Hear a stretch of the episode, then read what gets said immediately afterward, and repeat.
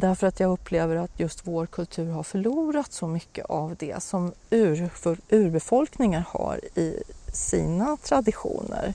Där allting handlar om att vara tacksam för det man får och för årstidernas växlingar och skörd och jakt och, och sånt som, som vi bara tar för givet därför att vi fattar inte att det kommer från naturen. Vi tror att det kommer från ICA ja, eller IKEA eller sådär. Hej och väldigt välkommen till Klimatpodden och avsnitt 56.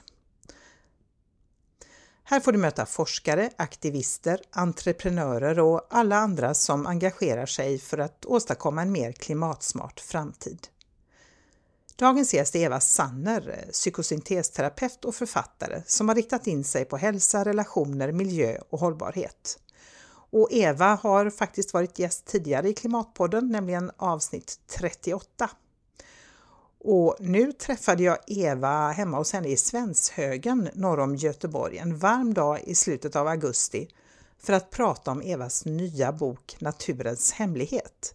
En fantastiskt vacker och spännande bok om vår relation till naturen och hur livsviktig naturen är för oss på så många olika sätt. Ja, jag känner mig både klokare, mer inspirerad och mer hoppfull efter att ha läst den. Ska vi leva klimatsmart så är det ju faktiskt avgörande att vi har en nära relation till naturen, som vi ju också är en självklar del av. Ja, som du säkert har märkt så har det varit lite glest med utgivningen under det här senaste året, vilket har flera orsaker. Men en av dem är att jag har känt ett allt mer skriande behov av att jobba väldigt konkret och aktivistiskt i det som väl numera får betraktas som en klimatkris. Det hoppfulla är ändå att det bubblar och sjuder överallt just nu. Förra helgen, alltså den 16-17 november, så nådde Extinction Rebellion Sverige. Upproret som startade i London, där samtidigt flera broar ockuperades av Londonborna. Kravet från den här rörelsen är att våra regeringar tar klimatkrisen på allvar. Dessvärre syns inte mycket av detta, ännu. Men många är till och med beredda att bli arresterade och fängslade för att något ska hända. Och i takt med att allt fler människor inser vilka utmaningar vi står inför så kommer också protesterna och den civila olydnaden att öka, det är jag helt övertygad om. I Sveriges natur så säger Sverker Sörlin, professor i miljöhistoria, så här. Sådana här rörelser kan framstå som en perifer subkultur, det gjorde även de tidiga rörelserna mot apartheidregimen. Men jag tror att de är en del i förskjutningen av en bredare opinion. Och där tror jag att Sverker Sörlin har helt rätt. Som vanligt är du välkommen att höra av dig med synpunkter och förslag på kommande gäster. Och glöm inte att dela med dig av podden till andra som du tror kan vara intresserade, vilket väl borde vara alla, eller hur? Om du gillar Klimatpodden och vill stötta arbetet så får du också väldigt gärna skänka ett valfritt belopp, stort eller litet, allt är lika välkommet, till Klimatpoddens eget swishkonto 123 396 2974 123 396 2974 och mitt varmaste tack till er som har valt att stötta podden sen sist. Det är bland annat Annika Karmhag Olsson, Klara Molander, Axel Hellström och Anders Eriksson. Ni gör det möjligt att fortsätta producera den här podden. Men nu är det dags att köra igång dagens avsnitt. Varsågoda! Välkommen till Klimatpodden Eva Sanner. Tack så mycket. Du har ju varit gäst tidigare i Klimatpodden eh, och nu sitter vi här igen då eftersom du har skrivit en ny bok som heter Naturens hemlighet som vi ska prata mycket mer om. Men eh, för nya lyssnare så tänkte jag att du skulle få börja med att presentera dig själv. Vem är du? Jag är författare. Jag har börjat kalla mig själv för det nu. Nu har jag skrivit tio böcker så ja, kan man väl, då kan man väl kalla sig författare. Eh, men jag är också terapeut. Jag jobbar ju med människor i terapi, psykosyntesterapi, sedan många, många år. Mm. Och så är jag hobbyodlare. Så jag utforskar det här med odling och den relationen till naturen ja. i, i trädgården här där vi sitter. Precis, vi sitter här mitt i dina odlingar mm. i eh, Svenshögen där du bor. Yes. Aha. Så jag bor, eh, det är väl sex mil från Göteborg och här har jag bott sedan 2011 tillsammans med min partner. Så här utforskar vi det här. Det är ju lite trial and error det här med odling. Men eh, vi, eh, vi, vi lär oss vartefter. Så det är jättekul. Och hur kom det sig att ni flyttade hit då? Ja, det var en slump kan man säga. Det var en slump på många sätt att vi hamnade just här. Men eh, min, min partner hade vänner här och vi visste att det, det fanns människor som, var in, som kanske delade våra intressen här. Mm. Jag kände väl ingen direkt själv här men jag trodde att jag kunde hitta vänner här och det gjorde jag. Så, och så passade det väldigt bra i tiden mm. för oss att flytta. Um, innan vi börjar prata om din bok så tänkte jag att vi måste ju faktiskt prata om den här sommaren. Idag är det den 21 augusti och vi har haft en vad ska man säga, en sommar som inte liknar någonting annat som i alla fall jag har upplevt under min uppväxt eller under alla de här åren jag har levt. Mm. Alltså det började i maj med den här otroliga värmen och sen, sen bara fortsatte och inget regn och sådär. Hur, vad tänker du om det den här sommaren? Det var en väldigt speciell sommar. Det tog ett tag innan jag förstod att det skulle liksom inte ändra sig. Man är ju van att det kommer lite värme i maj det har det gjort många år när vi har bott här tycker ja, jag. Och så tänker man det här kanske är sommaren? Ja, så tänker man det här kanske är sommaren och sen blir det lite kallt i juni och sen börjar det där växlandet liksom mellan och av och på med koftan och sådär. Um, jag tyckte att det var en väldigt tyst sommar. Det var många tysta nätter där det var väldigt varmt. Jag påverkas inte så mycket av värmen så, jag kan sova och, och sådär. Men det var, det var lite för tyst tyckte jag. Det var som att eh, det var som att naturen liksom höll andan mm. på något vis. Och jag tänker att många djur hade det svårt den här sommaren. Och det vet vi ju liksom. Så jag började ställa ut vatten vatten till bina och jag började liksom tänka på ett helt annat sätt. Till exempel så har jag varit noga med att vilja behålla mina bär. Men i år så tyckte jag att det var ganska viktigt att fåglarna fick lite bär. Ja, så, jag, så jag plockar inte alla bär än. Nej, du delar med dig? Jag delar med mig lite för jag tänkte varför ska jag ha alla bär? Så det, det väckte många nya tankar faktiskt. Mm. Och sen så tycker jag att det var jag, jag märkte att jag påverkades eh, känslomässigt. Jag hade en period när jag liksom eh, var ledsen över det här och tänkte att men här, hallå, nu, nu är det på riktigt, mm. de här förändringarna. Mm. Det, det här kommer jag att uppleva i min livstid och det här kommer verkligen att märkas nu. Och så efter att jag var låg och ledsen så hade jag väl en punkt tror jag när jag bestämde mig för att jag kan inte vara ledsen resten av mitt liv för det här. För att då är inte jag till någon hjälp, varken för mig själv eller för andra. Så att eh, så jag också njöt faktiskt av den, den varma sommaren. Jag kunde njuta av det också och det kändes lite viktigt. Och att kunna vara glad över det som, det som är bra, det som är härligt. Men samtidigt så kan jag tänka också att den här sommaren var mm, eh, en väckarklocka för väldigt, väldigt många. Mm. Både, både för mig och för många andra. Men som ändå är en medveten person. Alltså du är medveten menar jag om klimatförändringarna jag, innan? Ja, alltså jag är ju ja. ingen klimatförnekare. Nej, jag tror nej. ju att det här händer.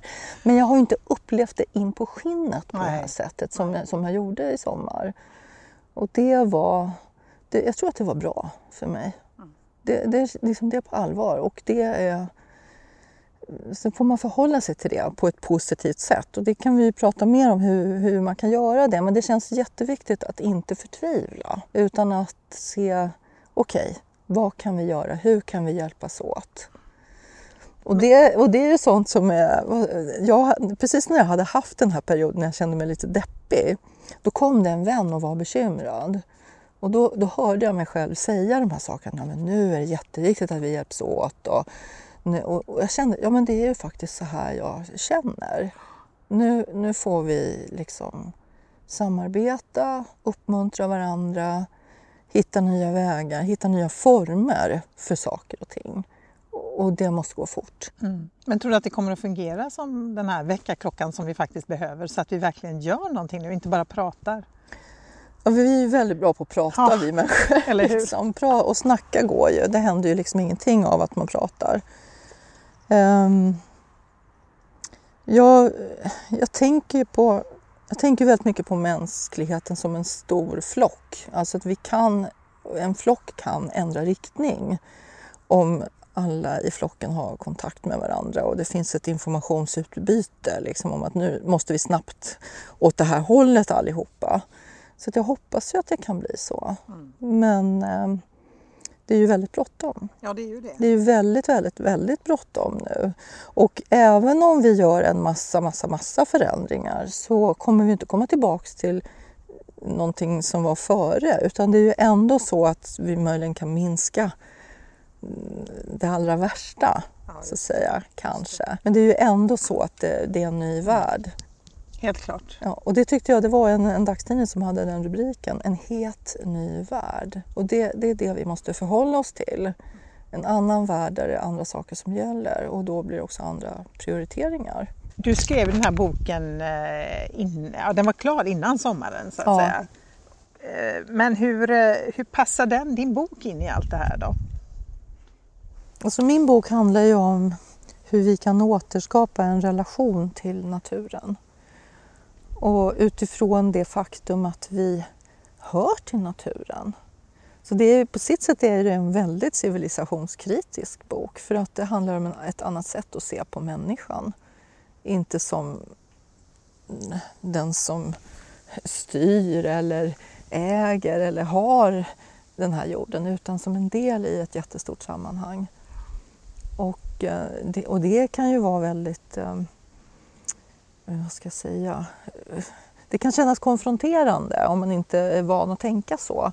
Men samtidigt finns det en enorm frihet i det. När, när vi börjar tänka på oss själva på det sättet. Så det öppnar också väldigt många nya möjligheter. Det är det boken handlar om, alltså en ny möjlighet att uppleva sig själv och att uppleva naturen på ett annat sätt. Och också hitta lösningar som naturen faktiskt har på en massa saker när det gäller tid och organisation och samarbete och så. Att inspireras av naturen och inte uppfinna hjulet på nytt hela tiden. Så att, eh, det var ju en väldigt inspirerande bok att skriva och ganska ansträngande för det är väldigt mycket forskning i den. Så. Men eh, väldigt, eh, naturen är så vacker också. Så det var ju otroligt fascinerande. Jag lärde mig jättemycket som jag inte visste när jag började. Om olika arter och om olika exempel på fantastiska saker i naturen som jag då hittade när jag gjorde all research. Så det var ju väldigt eh, lärorikt. Och varför ville du skriva boken? Vad var, liksom, hur fick du idén till boken? Och vad... Jag fick idén till boken för att jag gick en utbildning i ekopsykologi faktiskt. Jag tror det var då som jag bestämde mig för att eh, det här skulle vara, det här skulle vara mitt eh, slutarbete.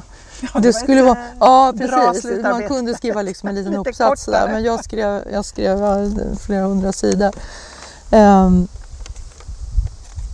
men det var där som jag lärde mig ett annat sätt att förhålla mig själv till naturen. Det blev ett skifte för mig när jag förstod att det här är, det är inte någonting vackert som vi kan vårda och som är skört och vi ska liksom eh, inte förstöra utan det är, det är någonting som jag kan ha en relation till. Och det har med mitt eget ursprung att göra. Det har att göra med hur jag, min hjärna fungerar, hur min kropp är och en massa funktioner i min kropp och mitt psyke är natur. Och det var när jag förstod det som jag blev inspirerad att, att skriva om det. Och också för att eh, jag är ju terapeut, jag jobbar ju med relationer. Jag jobbar med relationer mellan i par och jag jobbar med relationer alltså, i familjer och ja, relationen till sig själv kan man också säga. Så att jag ville också närma mig det här som en relation. Vikten av att en relation fungerar är, alltså, och är ömsesidig och balanserad, det är då den är hållbar. En relation funkar ju inte om en bara tar och tar och tar och den andra liksom blir utan. Nej. Eller blir utnyttjad, ska vi säga. Så att, eh, jag blev väldigt inspirerad och, och, och det är de här ekopsykologiska tankarna så jag har ju tagit med mycket av det i boken och, och som forskning som visar på det här. Då.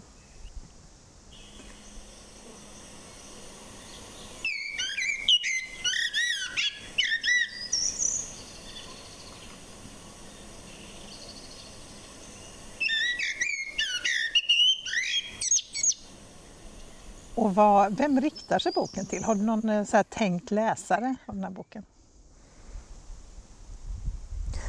Jag hoppas nog att den både ska vara intressant för de som redan är intresserade av miljöfrågor och, och så.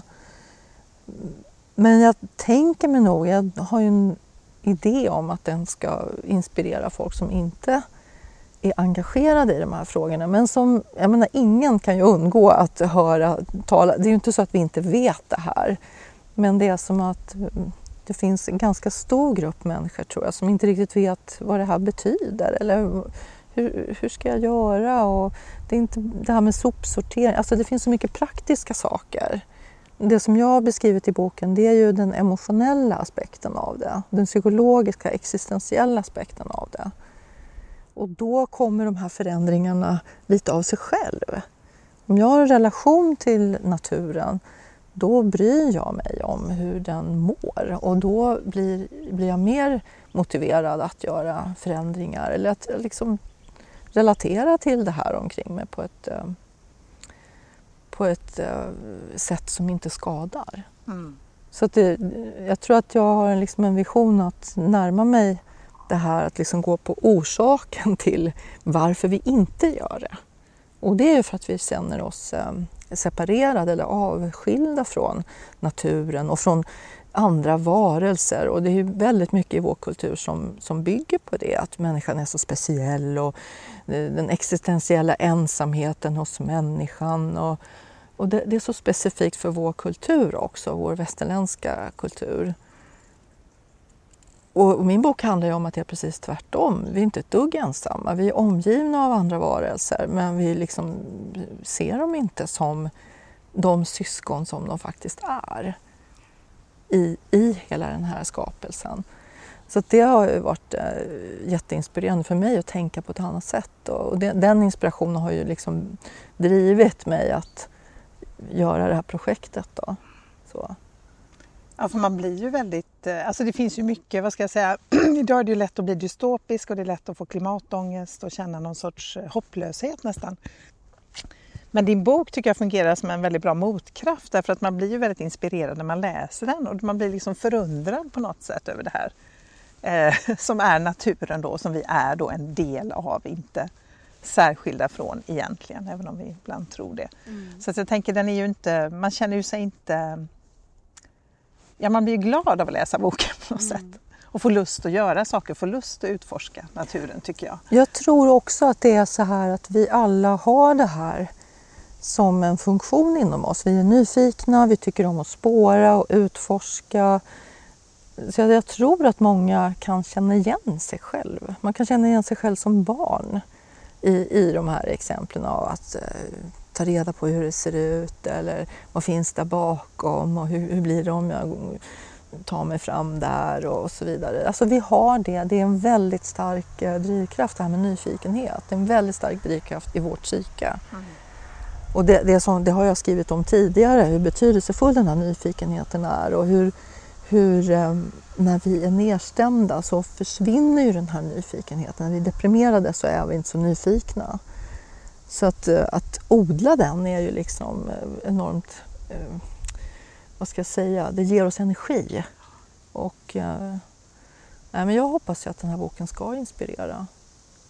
Och det tror jag. Och jag, jag har ju också haft förmånen, det kan jag ju verkligen passa på att säga, alltså att jobba med flera personer i det här teamet som har gjort den här boken väldigt vacker. Och, och, alltså fotografier av Lena Granefelt som är jättefina och en formgivning av Fredrika Sive som är fantastiskt snygg. Mm. Så det, är liksom, det är en vacker bok som är, det är en liten juvel. Liksom. Och det, så det, det, är en vacker bok som handlar om ett annat sätt att tänka när det gäller naturen. Och... Um, och så kan man läsa den på det sätt som man själv vill. Man kan bläddra och titta på bilderna och bli inspirerad. Eller man kan göra de här övningarna och prova på liksom, väldigt mycket mindfulness-inspirerade övningar som man kan prova på då. Kan du ge något exempel på någon övning? Ja, alltså nu sitter ju vi ute här och eh, det som det, det närmaste eh, till hands det är ju det här att bara liksom bli medveten om vad dina sinnen registrerar just nu. Att inte tänka så mycket och det där är hur det ser ut, utan att känna. Mm. Det är fint att det är vackert och vi är väldigt, synen är ju ett eh, sinne som tar upp väldigt stor del av vår hjärna. Men om vi blundar till exempel och bara lyssnar på de ljud som vi kanske hör, som hör till naturen.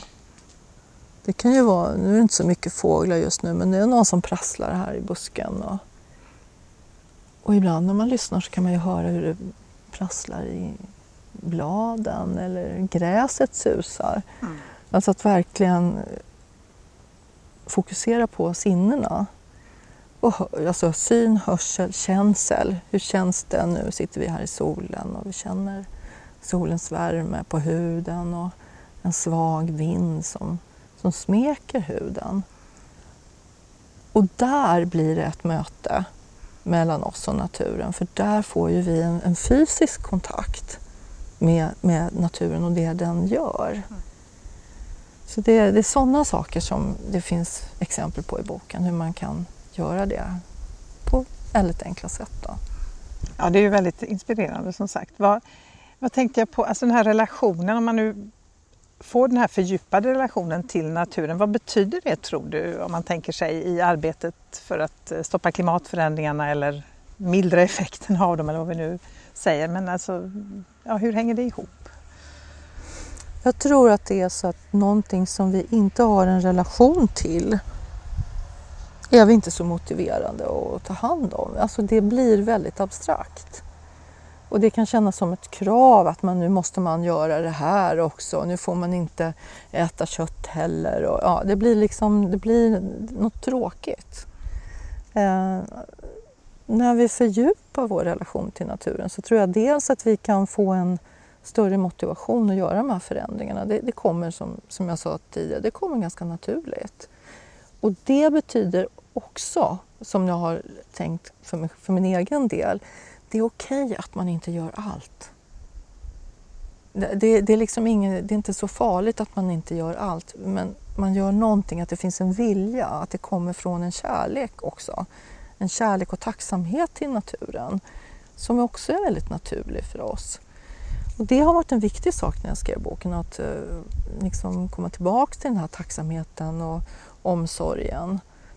Därför att jag upplever att just vår kultur har förlorat så mycket av det som ur, urbefolkningar har i sina traditioner.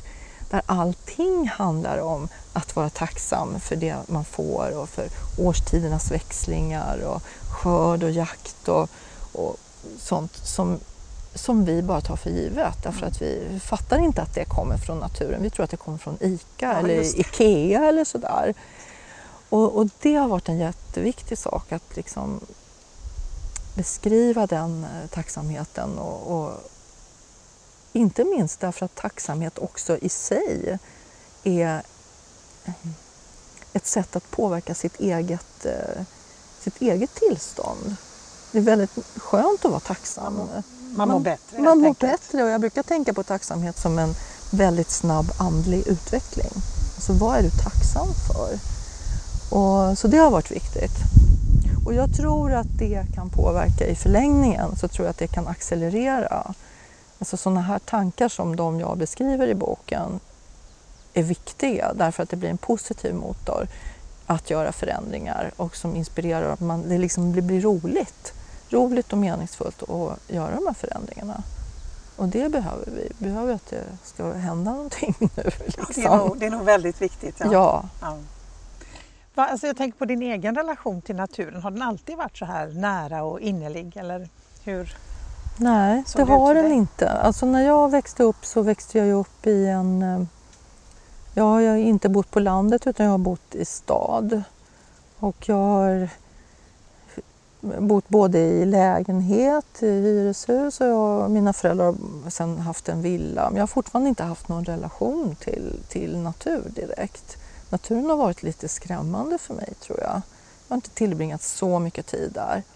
Men de hade en sommarstuga och där var det väldigt positivt för att där utforskade jag naturen själv med mina kompisar. Vi smög och vi cyklade och vi, vi var liksom ute. Och det var ju så på den tiden. Det här är ju liksom, det är liksom att det var jättelänge sedan och det är det ju. Men alltså barn var ute mer. Man cyklade hem till någon och såg om de var hemma och var de inte hemma så cyklade man till nästa kompis. Eller så cyklade man ner till badet och då var alla där och så hängde man liksom tills det började regna och då cyklade alla hem till någon och spelade kort. Det var liksom så sommarloven såg ut. Så naturen var ju närvarande hela tiden och det, man var ute mycket.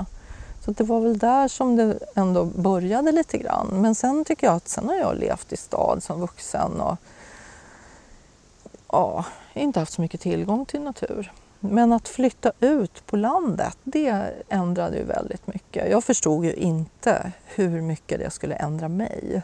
Det förstod jag. Hade jag förstått det vet jag inte om jag hade vågat. Faktiskt. Vad tänker du på då? Nej, men alltså att jag tänker på ett annat sätt, att jag får andra preferenser, att jag... Alltså det är en utveckling som jag har sett på mig själv, att jag, jag trivs väldigt bra att vara nära naturen och på landet. Sen kan ju det också hänga ihop med att jag har blivit äldre. Så att jag har inte samma behov av liksom storstadspulsen. Jag tycker inte Stureplan är så något jag behöver. Liksom. Men eh, jag tror också att det, det, har gett mig en möjlighet att, att, skapa en relation till naturen. Sen måste man inte flytta ut på landet för att göra det. Och det har också varit viktigt när jag har skrivit boken att liksom Ja, det viktiga är ju att man närmar sig naturen och det kan man göra. Man kan vara i en park, man kan vara vid en sjö, man kan vara på sin tomt eller man kan vara i en skog. Det finns väldigt mycket natur att tillgå i vårt land. Vi är väldigt lyckligt lottade. Det finns ju länder där det liksom, man inte kommer åt naturen, den natur som finns, därför att det är stängt väldigt mycket och så i urbana miljöer i alla fall. Och privat också. Ja, jag menar det. Mm. Det är mm. privat och så. Så att det är viktigt att komma ihåg att man eh, bor man nära natur så har man mycket så att säga gratis eller lättåtkomligt. Men även de som inte bor så kan ju söka upp det mm. och det har samma positiva effekt. För det är också någonting som jag pratar mycket om i boken, så är ju de den forskning som visar på vilka effekter som blir när vi är i naturen. Vi blir ju nöjdare och lyckligare och vi får bättre immunförsvar och vi löser problem bättre. Vi blir smartare efter tre dagar i tält. Liksom. Mm. Och allt det här finns det massor med forskningsprojekt och rapporter om som är väldigt roligt att ta del av. Och då tänker man sig, jaha, men om det är så, då kanske det här är någonting som vi faktiskt behöver ha kontakt med när vi nu mår så mycket bättre av det. Så det, ja. Ja, jag tänker att det faktiskt är livsnödvändigt, alltså av flera skäl såklart, men att det inte bara är något, ja det är något jag gör på min fritid för att det verkar lite skoj, utan att det faktiskt är något vi verkligen behöver. Mm.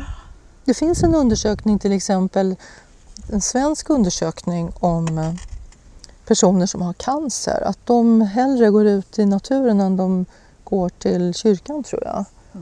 Därför att eh, där i naturen så känner de sig, som de berättar i den här studien då, det ger en tröst och en, eh, ett bättre mående trots att man är sjuk. Även, alltså, det är inte så att man blir frisk från sin cancer av att gå ut i skogen men att ha en sån allvarlig situation och att vara i naturen gör att man känner sig hållen. Mm.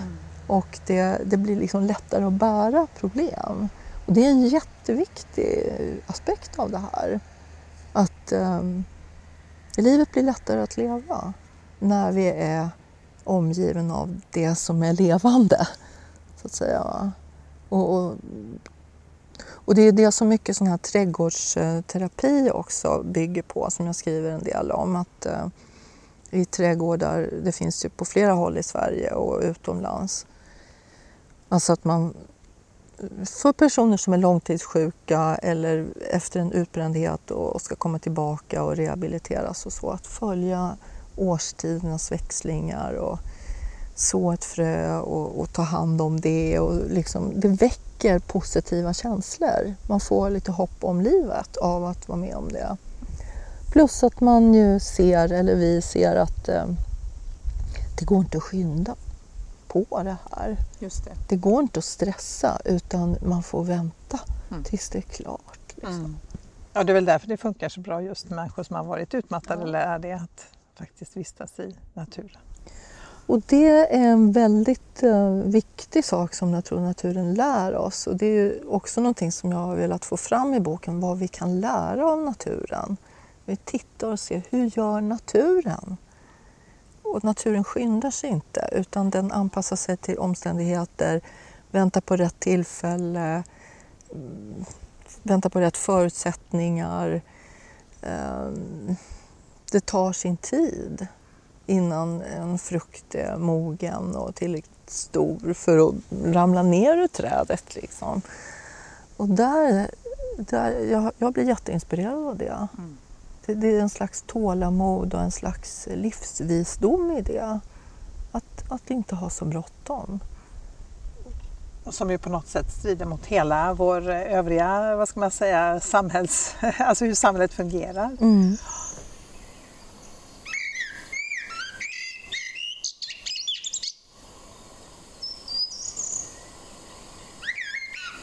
Jo, din bok handlar om många olika saker som är kopplade till naturen och olika sätt att förhålla sig och olika sätt man liksom kan närma sig naturen. Och en av de sakerna är spårning, att spåra. Berätta lite mer om alltså, det. Det, var, det är en intressant tanke det här med spår.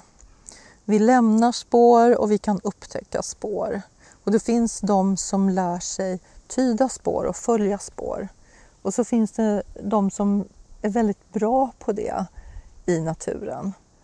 Och ehm, då hade jag förmånen att träffa en person som jag intervjuade när jag jobbade med boken som hade lärt sig om det här och som kunde berätta. Och det är ett sätt att se på omvärlden, alltså att man tittar, det är lite som lite detektiv på ett sätt. Vad har hänt här? Ja, här har det fallit ett träd eller här har det gått en häst eller här är det någon som har rivstartat. Alltså det finns spår överallt. Både i naturen och i en, liksom en urban miljö. Eh, så det finns väldigt mycket information. Och det här är någonting som vi har i vårt psyke. Det här är ju det som har gjort att vi har klarat oss som art, att vi kan förstå var finns det vatten, var finns det skydd, var kan jag vila, var finns det mat. Vi kan hitta röda bär, vi kan Eh, och det, det, är jättespännande det här med spår. Så det var en viktig sak att ha med och också skriva om liksom, hur, hur kan du följa ett spår och vilka spår lämnar du? Därför att det är också någonting i den här eh, spårartraditionen så är det så att du lämnar ett spår, du, spår försvinner inte. Alltså du kan inte ta bort ett spår, du kan dölja det men då det är ju det ett spår till. Så att eh, det är också en princip i det här med spårning att eh, att inte lämna spår som är negativa så att säga. Att inte lämna, helst inga spår alls förstås, men så lite som möjligt. Och då är det lätt att börja liksom tänka också hur vår civilisation gör spår. Hur enorma spår och effekter och skador som vi gör på planeten. Det är liksom spår av människan överallt. Det är mikroplaster i havet mikroplaster i jorden också läste jag häromdagen. Det finns spår av oss överallt. Och det, man blir liksom ödmjuk när man tänker på det. Och, och det är också något så här, okej, okay, vilka spår vill du lämna nu? Vilka spår måste du lämna som inte går att undvika? Men vilka kan du välja att eh, inte lämna? Alltså, vilka spår kan du avstå från? Så det är viktiga frågor tyckte jag. Liksom intressanta. Eh, och det, ja, det är också en existentiell fråga det här med spår och vilka spår, vilka minnen vi har, vad vi bär med oss och erfarenheter är också en slags spår. Och du och jag är ju en slags spår av våra föräldrar som liksom har eh, gjort oss. Det, det är, liksom, det är en väldigt eh, intressant tanke det här med spår. Mm. Så det var fascinerande faktiskt. Och, och det leder ju till som sagt den här ödmjukheten eller försiktigheten. Var försiktig. Och jag, in, jag tror att det är det kapitlet, det borde vara där, som jag inleder med um, Ta inget utom foton, lämna inget utom fot, alltså fotavtryck. Och att, att ha den försiktigheten, att, uh, varsamheten. Och jag eh, tycker ju om, har lärt mig på senare år i livet att tycka om att kampa och tälta. Och då är ju det en sport alltså. Att verkligen titta så här, inte minsta pappersbit ska synas. Det är okej att gräset är lite platt, det, det kan jag leva med. Det reser sig. Det reser sig för det gräset så. Ja, så det, det, ja, det var en spännande utforskning. Ja. Och jag tänker apropå den här flygdebatten nu som jag har faktiskt blivit mer och mer intensiv, eller man ska säga, där vi ifrågasätter vårt eh, allt eh, mer flitiga flygande. Att då, då spelar ju det här, tänker jag, med naturen och relationen till naturen en väldigt stor roll. För då plötsligt, blir det som ett helt nytt universum att upptäcka som inte behöver vara på andra sidan jordklotet. Liksom. Även om det förvisso kan vara spännande. Men man upptäcker att det finns ju så mycket bara här inpå ens, i ens eget närområde nästan. Mm. Jag håller helt med om det. Det är ju lite absurt egentligen att så många av oss åker väldigt långt bort för att bada till exempel. När vi har så mycket sjöar och så mycket kust. Och så kan man tycka, ja men vattnet är kallt. Ja, och i sommar var det inte ens det. Men eh, och det är också någonting som skapar mycket nedskräpning och spår på de platserna. Och sen när det har blivit skräpigt där, då drar turisterna vidare till en annan oförstörd ö och då ska alla dit. Och det, det, alltså det är ett dysfunktionellt eh, beteende när man, om man tittar på det ur spårhänseende. Um, så absolut, och det finns ju det här begreppet hemester Mm. Och det är jättegulligt tycker jag och, det finns faktiskt väldigt mycket, alltså vi har ju enorma resurser i vårt land att eh, vara med naturen. Och det, till exempel där jag bor finns det ju väldigt mycket, det finns kust, det finns insjö, det finns skog att vandra i, i, i det här, alltså i, nära där jag bor, inte precis där jag bor förstås. Men, Men vi tycker ju att det som är längre bort är mer exotiskt och spännande. Ja. Så att vi har ju en, en, en, idé om att det är bättre att åka längre bort. Och det hoppas jag ju att vi verkligen håller på att komma på att det är inte bättre att åka längre bort. Det, det är också någonting som jag har sett som parterapeut det här med man tror att resor ska rädda relationen och det gör det ju inte. Folk reser bort och sen kommer de hem till samma relation. Mm. Om en relation håller så är det inte för att de åker till Thailand varje år. Det är något annat som gör att det håller i så fall. Mm. Och det tror jag är jätteviktigt att komma ihåg så att vi gör saker som är skadliga för naturen för att vi inte mår bra. Och då tycker jag det är viktigt liksom att försöka titta på hur kan jag verkligen må bra? Därför att vi gör en massa saker som är skadliga för naturen för att må bra och så mår vi ändå inte bra. Så det är till och med onödigt. Liksom. Mm. Mm. Och då, då känns det jätteviktigt att, att fundera på hur mår jag verkligen bra? Och då är det ju så finurligt att vara med naturen gör att jag verkligen mår bättre. Det är otvetydigt så. Magiskt. Det är magiskt. Det är som trolleri faktiskt. Ja. Och det finns runt din husknut. Liksom. Mm. Men det krävs att du går dit, det krävs att du är där. Mm. Att uh, man tar sig tid, att man stänger av telefoner och alltså, gör sig tillgänglig för det här magiska mötet. Mm. Då, då kan det hända någonting. Och så är det i alla relationer. Så det är också någonting vi kan lära när det gäller ja, relation till naturen men vi behöver ju göra det i relation till andra människor också göra oss tillgängliga för ett möte. Det är då det kan hända någonting. Liksom. Ja, har du något tips då för den som vill nu få en närmare? Det finns ju många tips som sagt och övningar och grejer i den här boken och fullt av inspiration. Men har du något bra tips till den som vill närma sig naturen? Ja, jag tror att ett favorittips det är det här att skaffa dig en egen plats. Det är väldigt effektivt. Alltså att välja en plats och vara med den under en längre tid. Gärna under flera årstider och gå dit vid olika tider på dygnet. Och sitt där eller ligg där. Sov där kanske, till och med om det är möjligt. Och det, det är precis som att lära känna en person. Att eh, när vi liksom har träffat den här personen några gånger så, så vet vi vem det är. Men om vi bara har en hastig, flyktig kontakt så vet vi inte så mycket och det betyder inte så mycket för oss. Så det, det, är, en, det är en bra sak att göra, att ha en, en plats. Och det kan ju vara... Det spelar ingen roll om det är andra människor där Nej. eller att andra människor har tillgång till den, men att du väljer vilken som är din plats. Och att eh, det jag tror händer när man gör det, det är att eh, vi lär oss att eh, tycka om den platsen. Därför att vi är, vi är liksom gjorda för att tycka om platser i naturen. Och det är ganska spännande att upptäcka att, att det händer. Mm. faktiskt. Så att i boken intervjuar jag ju en kvinna som heter Åsa och hon har gjort det här och hon gick till sin plats varje dag ett helt år och, och, skrev dagbok och hon berättar i boken nu fantastiska upplevelser och erfarenheter som hon hade där. Så det är en väldigt eh, enkel men väldigt kraftfull övning som man kan göra. Mm. Och så behöver det inte vara kravfyllt heller, man måste inte gå varje dag. Nej, så, utan det, det, är när, när det känns bra, men att man återkommer. Mm. Säger hej, jag är här nu. Mm. Nu sitter jag här, nu sitter jag här en timme. Har du själv någon sån plats förstås? Alltså min trädgård är ju min plats. Ja.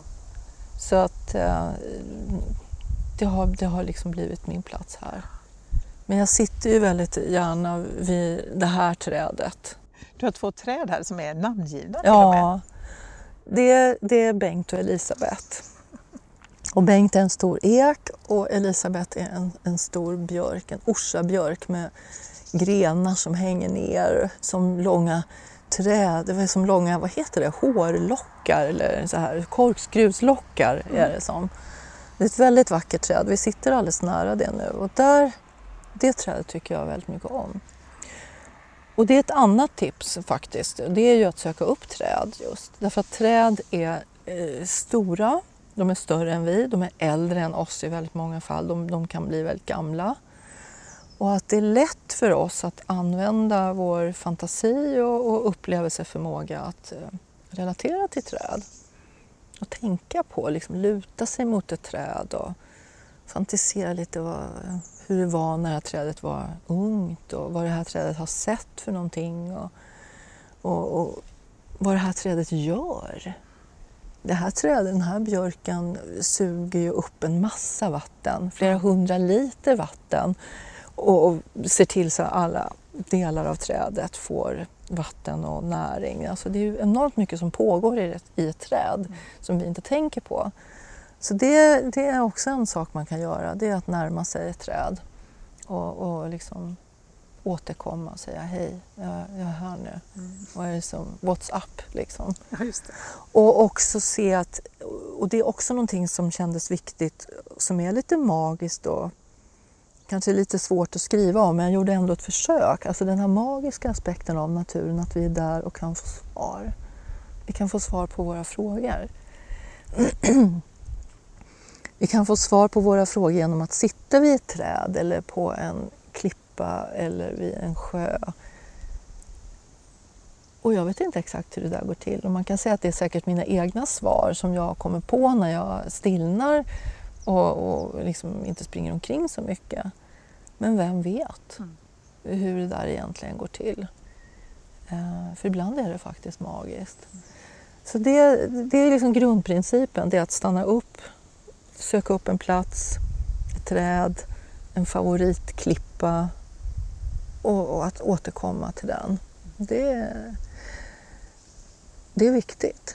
Och det är också det som jag tänker mig som en anknytning. Så jag skriver ju om anknytning också. Vi knyter ju an som barn till våra vårdnadshavare och det är en väldigt viktig grund för hur våra relationer sen ser ut under hela vårt liv. Det blir som ett mönster för vad vi tror om relationer och vad vi tror om omvärlden. De erfarenheter som vi gör när vi är små. Mm. Och jag tror också att vi har en relation till naturen och jag tror att den relationen är eh, både undervärderad och ibland skadad och kan eh, återerövras och helas av att vi är där. Mm. Alltså att vi, vi liksom återanknyter till naturen. Och jag tror att det ger oss en enorm trygghet faktiskt. Därför att det finns någon, naturen är någonting så stort och fantastiskt och vi är en del av det. Det, det är liksom vårt hem.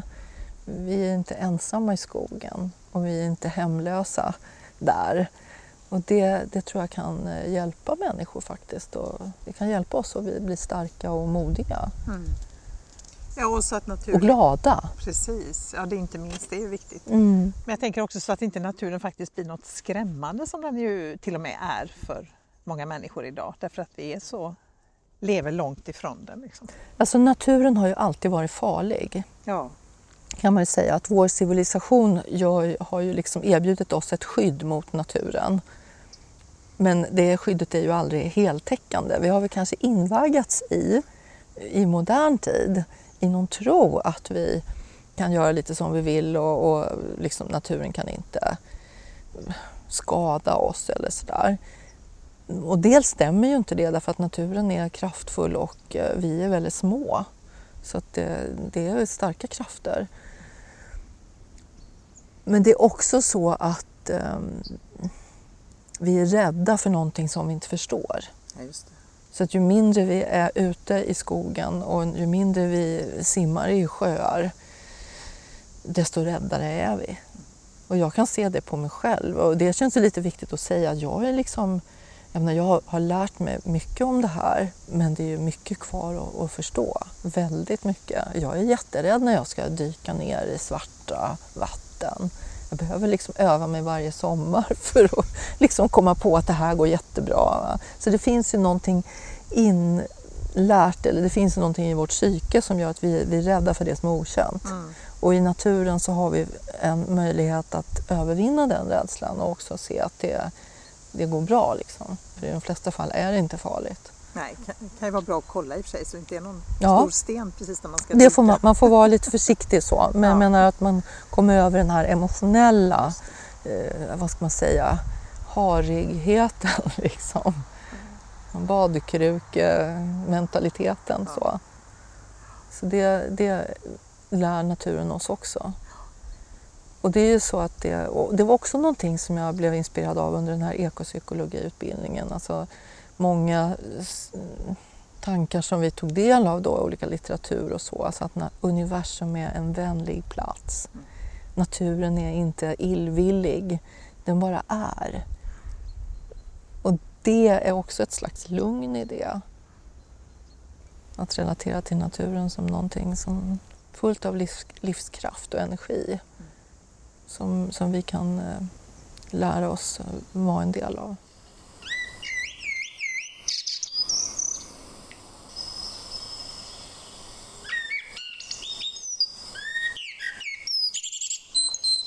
Till sist så har du eh, valt ett eh, litet stycke som du ska få läsa ur din alldeles nya bok här. Komplexitet och mångfald. Motsatsparet natur och kultur är också parallellt till två andra motsatser, nämligen enkel och komplex. Från kulturens synvinkel är naturen enklare än det strukturerat utvecklade, särskilt som kulturen ses som en följd av och en vidareutveckling av naturen. En park ses som mer ordnad än en djungel och en kultiverad människa har alltid setts vara mer förfinad och komplex än en person från ett urfolk som setts som en vilde. Ibland har visserligen detta enkla lyfts fram som något eftersträvansvärt, exempelvis i Rousseaus begrepp den ädle vilden, i betydelsen en person som inte blivit påverkad av någon kultur och därför är oförstörd och därigenom god. Men fortfarande anses det vilda vara något okomplicerat och outvecklat. I själva verket är det tvärtom. Det vilda är ofta mer komplext än det domesticerade och därmed också starkare och med större resiliens vid utmaningar, alltså långsiktig förmåga att hantera förändringar och fortsätta att utvecklas. Vilda djur har ofta större kapacitet för överlevnad än sin tama motsvarighet.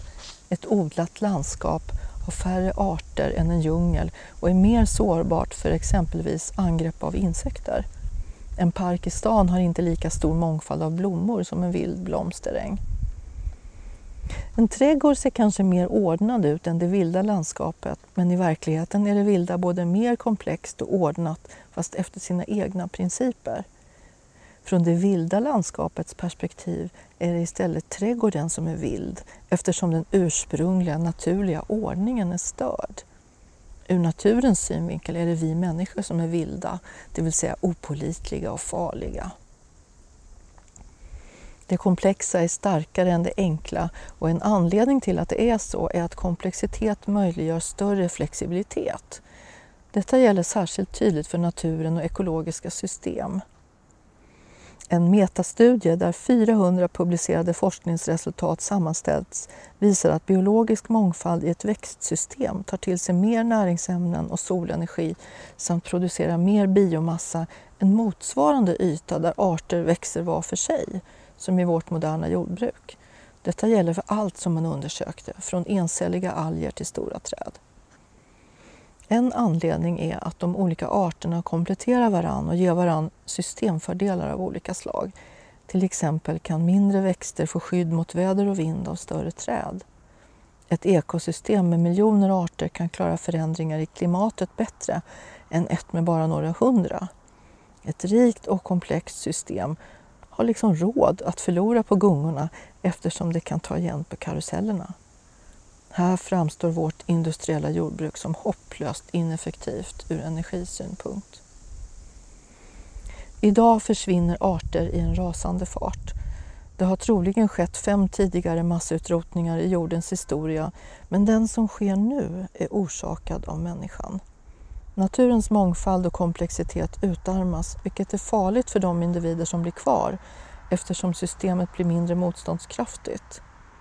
Nästan alla organismer på planeten är direkt eller indirekt beroende av växter för sin överlevnad. Vi har inte råd med att deras effektivitet hämmas genom ökad likriktning. Men vi har heller inte råd att förlora viktiga arter bland djuren. Både vargen och älgen behövs, vad vi än tycker om dem.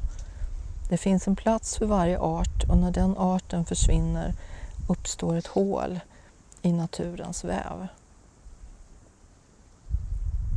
Komplexitet är effektivt inte bara i växternas och djurens värld. Forskning om organisationer visar många exempel på att även heterogena grupper av människor är mer kreativa och effektiva jämfört med homogena grupper. Mångfald har visat sig leda till innovation och kreativa idéer, högre produktivitet och effektivitet samt större konkurrenskraft. Ändå finns det många som inte tycks passa in och som har svårt att få anställning för att de har ett annorlunda namn, en annan hudfärg än vit, för att de har, har eller snart förväntas få små barn eller för att de passerat en viss åldersgräns. Bristen på mångfald har också andra ansikten. Idag lever många av oss i en liten bubbla där vi bara har vänner som tycker som vi. Tendensen att välja bort de som tycker annorlunda förs över från sociala medier till vår fysiska verklighet och vi väljer ofta att helst bara umgås med de som är lika oss själva, menar den amerikanska sociologen Brené Brown. Vi har svårt att fördra de som har en annan åsikt. Vi vill inte veta av dem eller vad de tycker. Men detta är farliga krafter. För ju mindre vi umgås med de som är olika oss, desto mer främmande verkar de ju mer vi avhumaniserar andra för att de till exempel har en annan politisk åsikt än vi, desto större risk är det för samhället, menar Brown. Det är provocerande med vissa åsikter, men att ta avstånd från personerna som har dem är aldrig ett steg framåt. För att transformera konflikter och få konflikter att utvecklas vidare krävs kommunikation och lyssnande. Att se någon som en vilde leder inte till en lös konflikt. Vi behöver istället olikhet, komplexitet och acceptans för det som är oss främmande. Tack Eva! Apropå valet, oj då, vänta nu får jag höja här. Tack Eva! apropå valet så var det ju väldigt aktuellt det här sista. Jag upplever verkligen det här att debattläget har blivit så väldigt, alltså tonläget är väldigt, väldigt högt och vi är väldigt snabba med att måla in någon i ett annat hörn. Jag tror också att det är livsfarligt. Alltså. Ja, jag tror verkligen att det är farligt och jag tror också att vi pratar om fel saker. Mm. För att som jag ser det så finns det en fråga som är övergripande och viktigare än alla andra och det är klimatet ja. och miljön och det kommer vi inte undan. Men eftersom det är så svårt att ta in så blir det ju lätt så att det blir en massa andra saker som man bråkar om så att mm. säga. Mm. Men under tiden så händer det ju saker. Under tiden så sker det ju saker som borde tas om hand. Mm. Så jag hoppas verkligen att eh, den frågan får sin rättmätiga plats. Mm. Och ett första steg kan ju vara att läsa din bok då, Ja, och då får man ju skynda sig då ja, så man hinner göra det före valet. Ja. Eh, sen kan man tänka så här att oavsett vad, vad det, hur det går i valet och oavsett vilken regering vi får så kommer den här frågan att fortsätta att vara den allra, allra viktigaste. Och det kommer även i fortsättningen att vara så att relationen till naturen är vår första relation om man ska vara krass. Så att eh, det är ju lika viktigt att, att, ta hand om det sen och prioritera. Verkligen. Tack så jättemycket Eva för att jag fick sitta här i din fina trädgård och Tack. prata med dig om din bok. Tack för att du kom. Tack.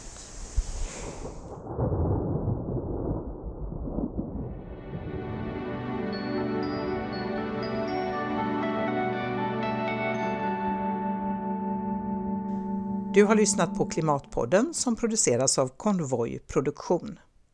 Gäst i dagens avsnitt var Eva Sanner. Du hittar mer information om Klimatpodden och dagens avsnitt på hemsidan klimatpodden.se. Klimatpodden finns på alla ställen där poddar finns och du kan följa podden på Twitter och Facebook. Signaturmelodin är skapad av Tommy Kaso och loggan till Klimatpodden är gjord av Hannes Larsson.